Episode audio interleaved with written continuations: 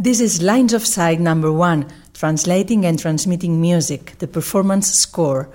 We are speaking with Matthew Marble and Alex Waterman about the score in the context of various other fields of thought and about the social act of performance as collective reading. Aquest és el primer Lines of Sight, línies de visió, traduint i transmetent música, la partitura per a la interpretació. Parlarem amb Matthew Marble i Alex Waterman de la partitura dins el context de diversos àmbits del pensament i del fet social de la interpretació com a acte de lectura col·lectiva.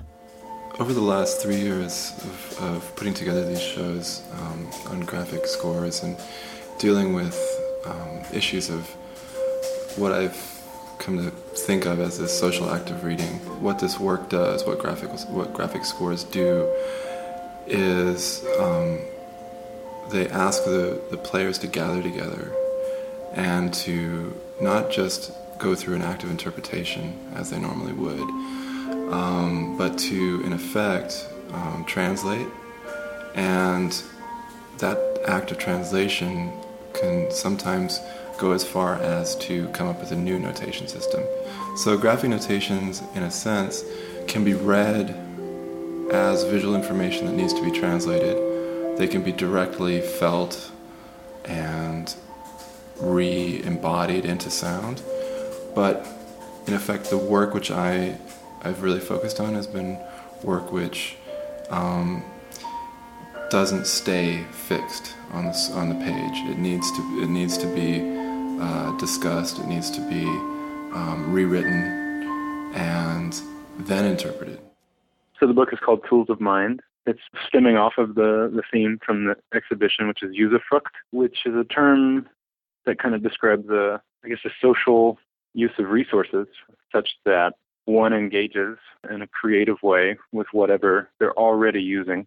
And for me, amongst all the performance scores and all the other things I've added to it. Uh, the weaver bird is kind of the epitome of, of what usufruct is. The weaver bird is a bird that builds its nest by collecting things from its environment, uh, just what's lying around, and it takes these objects and it, with kind of a, a refined craftsmanship, builds this beautiful nest.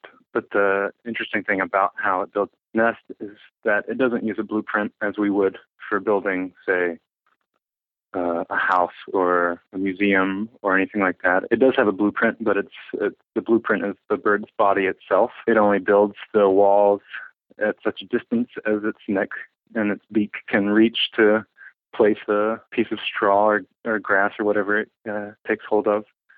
That really interested me in approaching this anthology, which is basically uh, finding different kinds of models from nature and from artists, but both use these models to either project something into the future, project an act into the future, or in the case of the Weaver bird, we have this kind of blueprint of its process.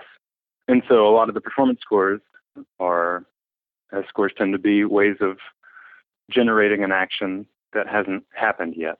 The theme of transmission with the Weaver bird, he's essentially transmitting the form of his body into the form of his home.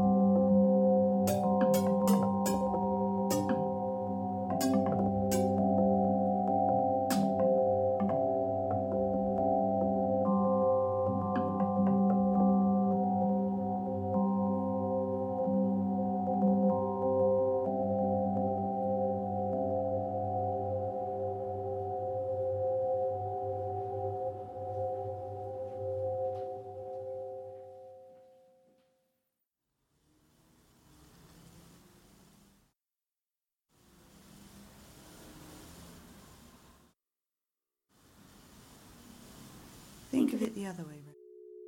Think of it the other way round.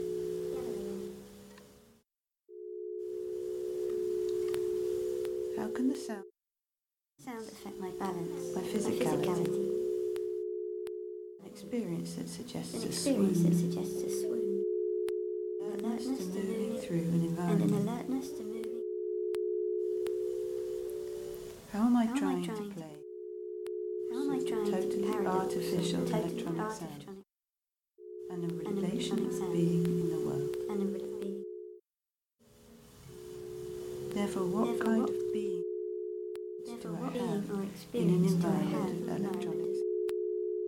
environment of electronic sounds?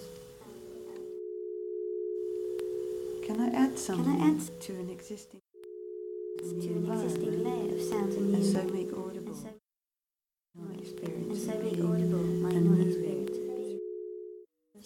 through electronic landscape.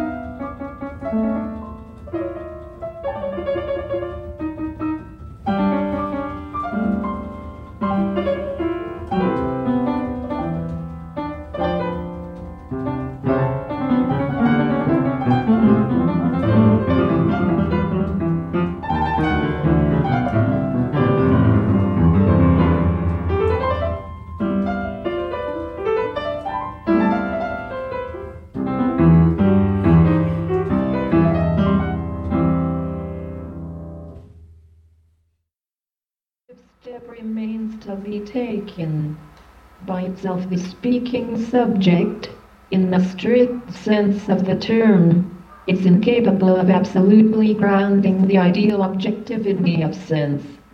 Oral communication, that is, present, immediate, unsynchronic communication among the proto-geometers is not sufficient to give ideal objectivities their continuing to be and persisting factual existence, thanks to which they even during periods in which the inventor and his fellows are no longer awake to such an exchange, or even more universally, no longer alive.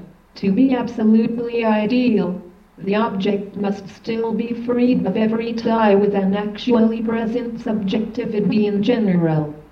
Therefore, it must perdure even when no one has actualized it in evidence.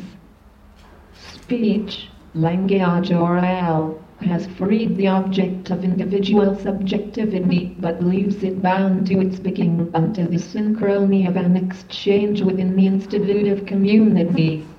The possibility of writing will assure the absolute traditionalization of the object, its absolute ideal objectivity, that is, the purity of its relation to a universal transcendental subject.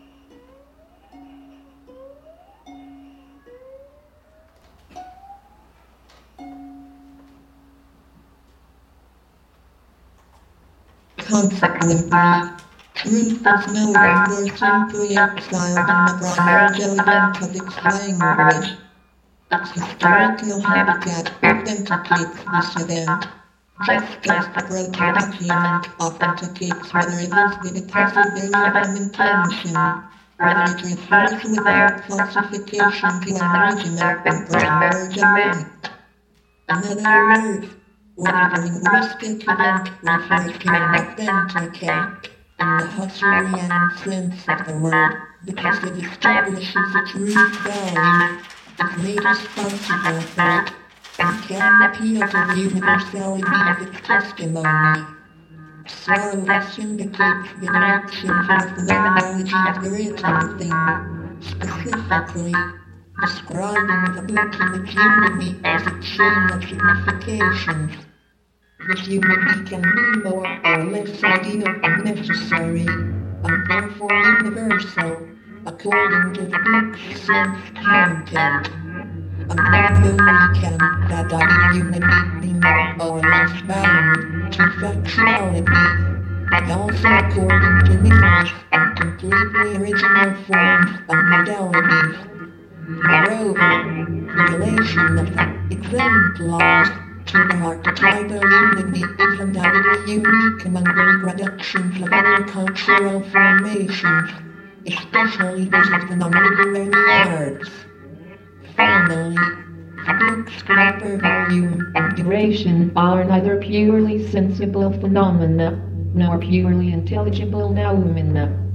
Their specific character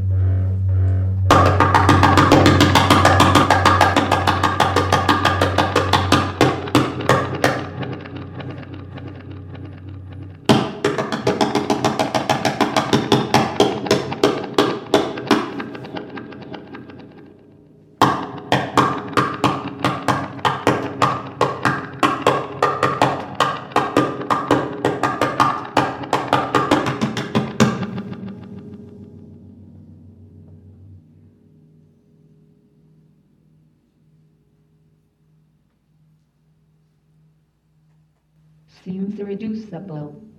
This being of the book, this instance of printed thought, whose language is not natural. Gaston Bachelard calls a bibliomenon in the origin. Slarl illuminates more directly that milieu of writing whose difficult signification and importance he had already recognized in the logical investigation. The difficulty of its description is due to the fact that writing defines and completes the ambiguity of all language. As the process of that essential and constitutive capacity for embodiment, language is also where every absolutely ideal object, that is, where truth, is factually and contingently embodied. Conversely, truth has its origin in a pure and simple right to speech and writing, but once constituted, it conditions expression in its turn as an empirical fact. Truth depends on the pure possibility of speaking and writing, but is independent of what is spoken or written, insofar as they are in the world.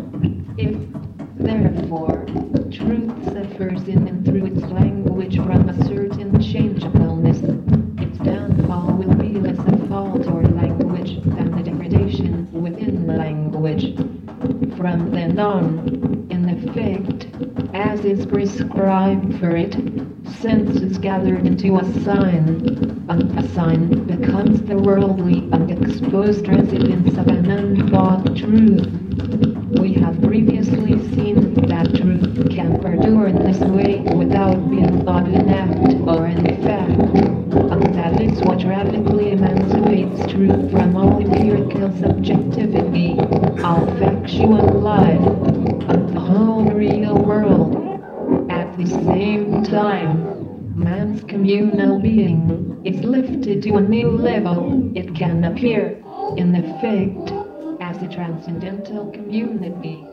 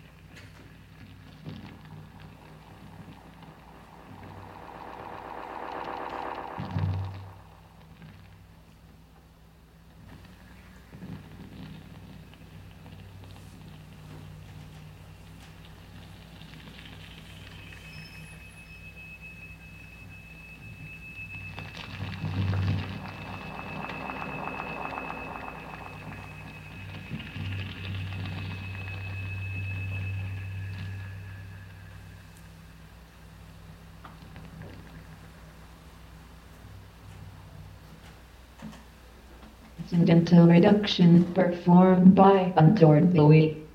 But since, in order to escape worldliness, sense must first be able to be set down in the world and be deposited in sensible spatio-temporality, it must put its pure intentional ideality, that is, its truth sense, in danger.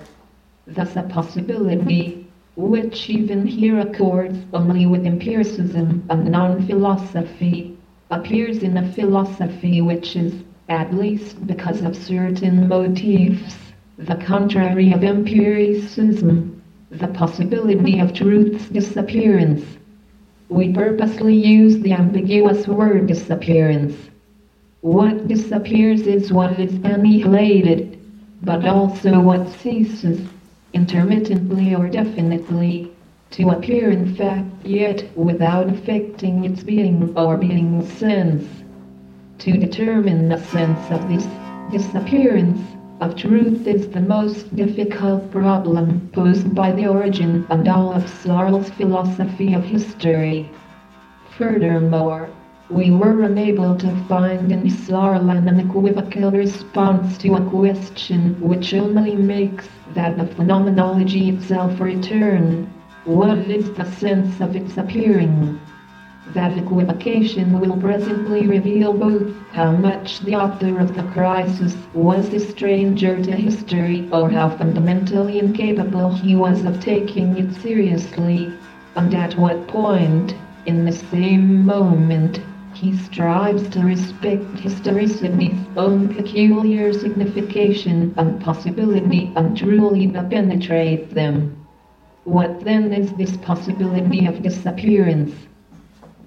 1. In the first place, let us rule out the hypothesis of a death of sense in general within the individual consciousness. Husserl clearly specifies in the origin and elsewhere that sense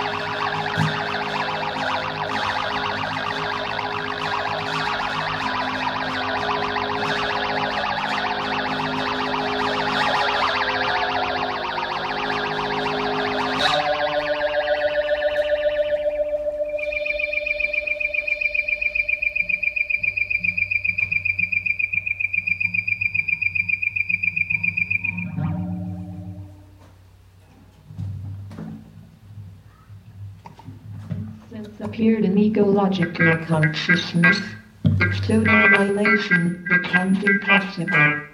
A sense that is conceived as a sedimentary habituality and dormant potentiality can be or reanimated is not returned to nothingness by the vanishing of retentions of retentions.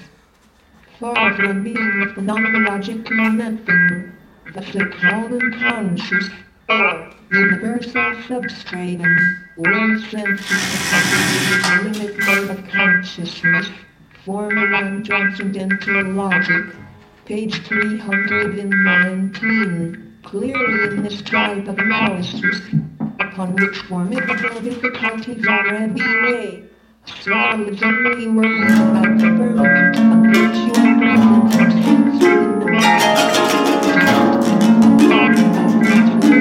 Thank you.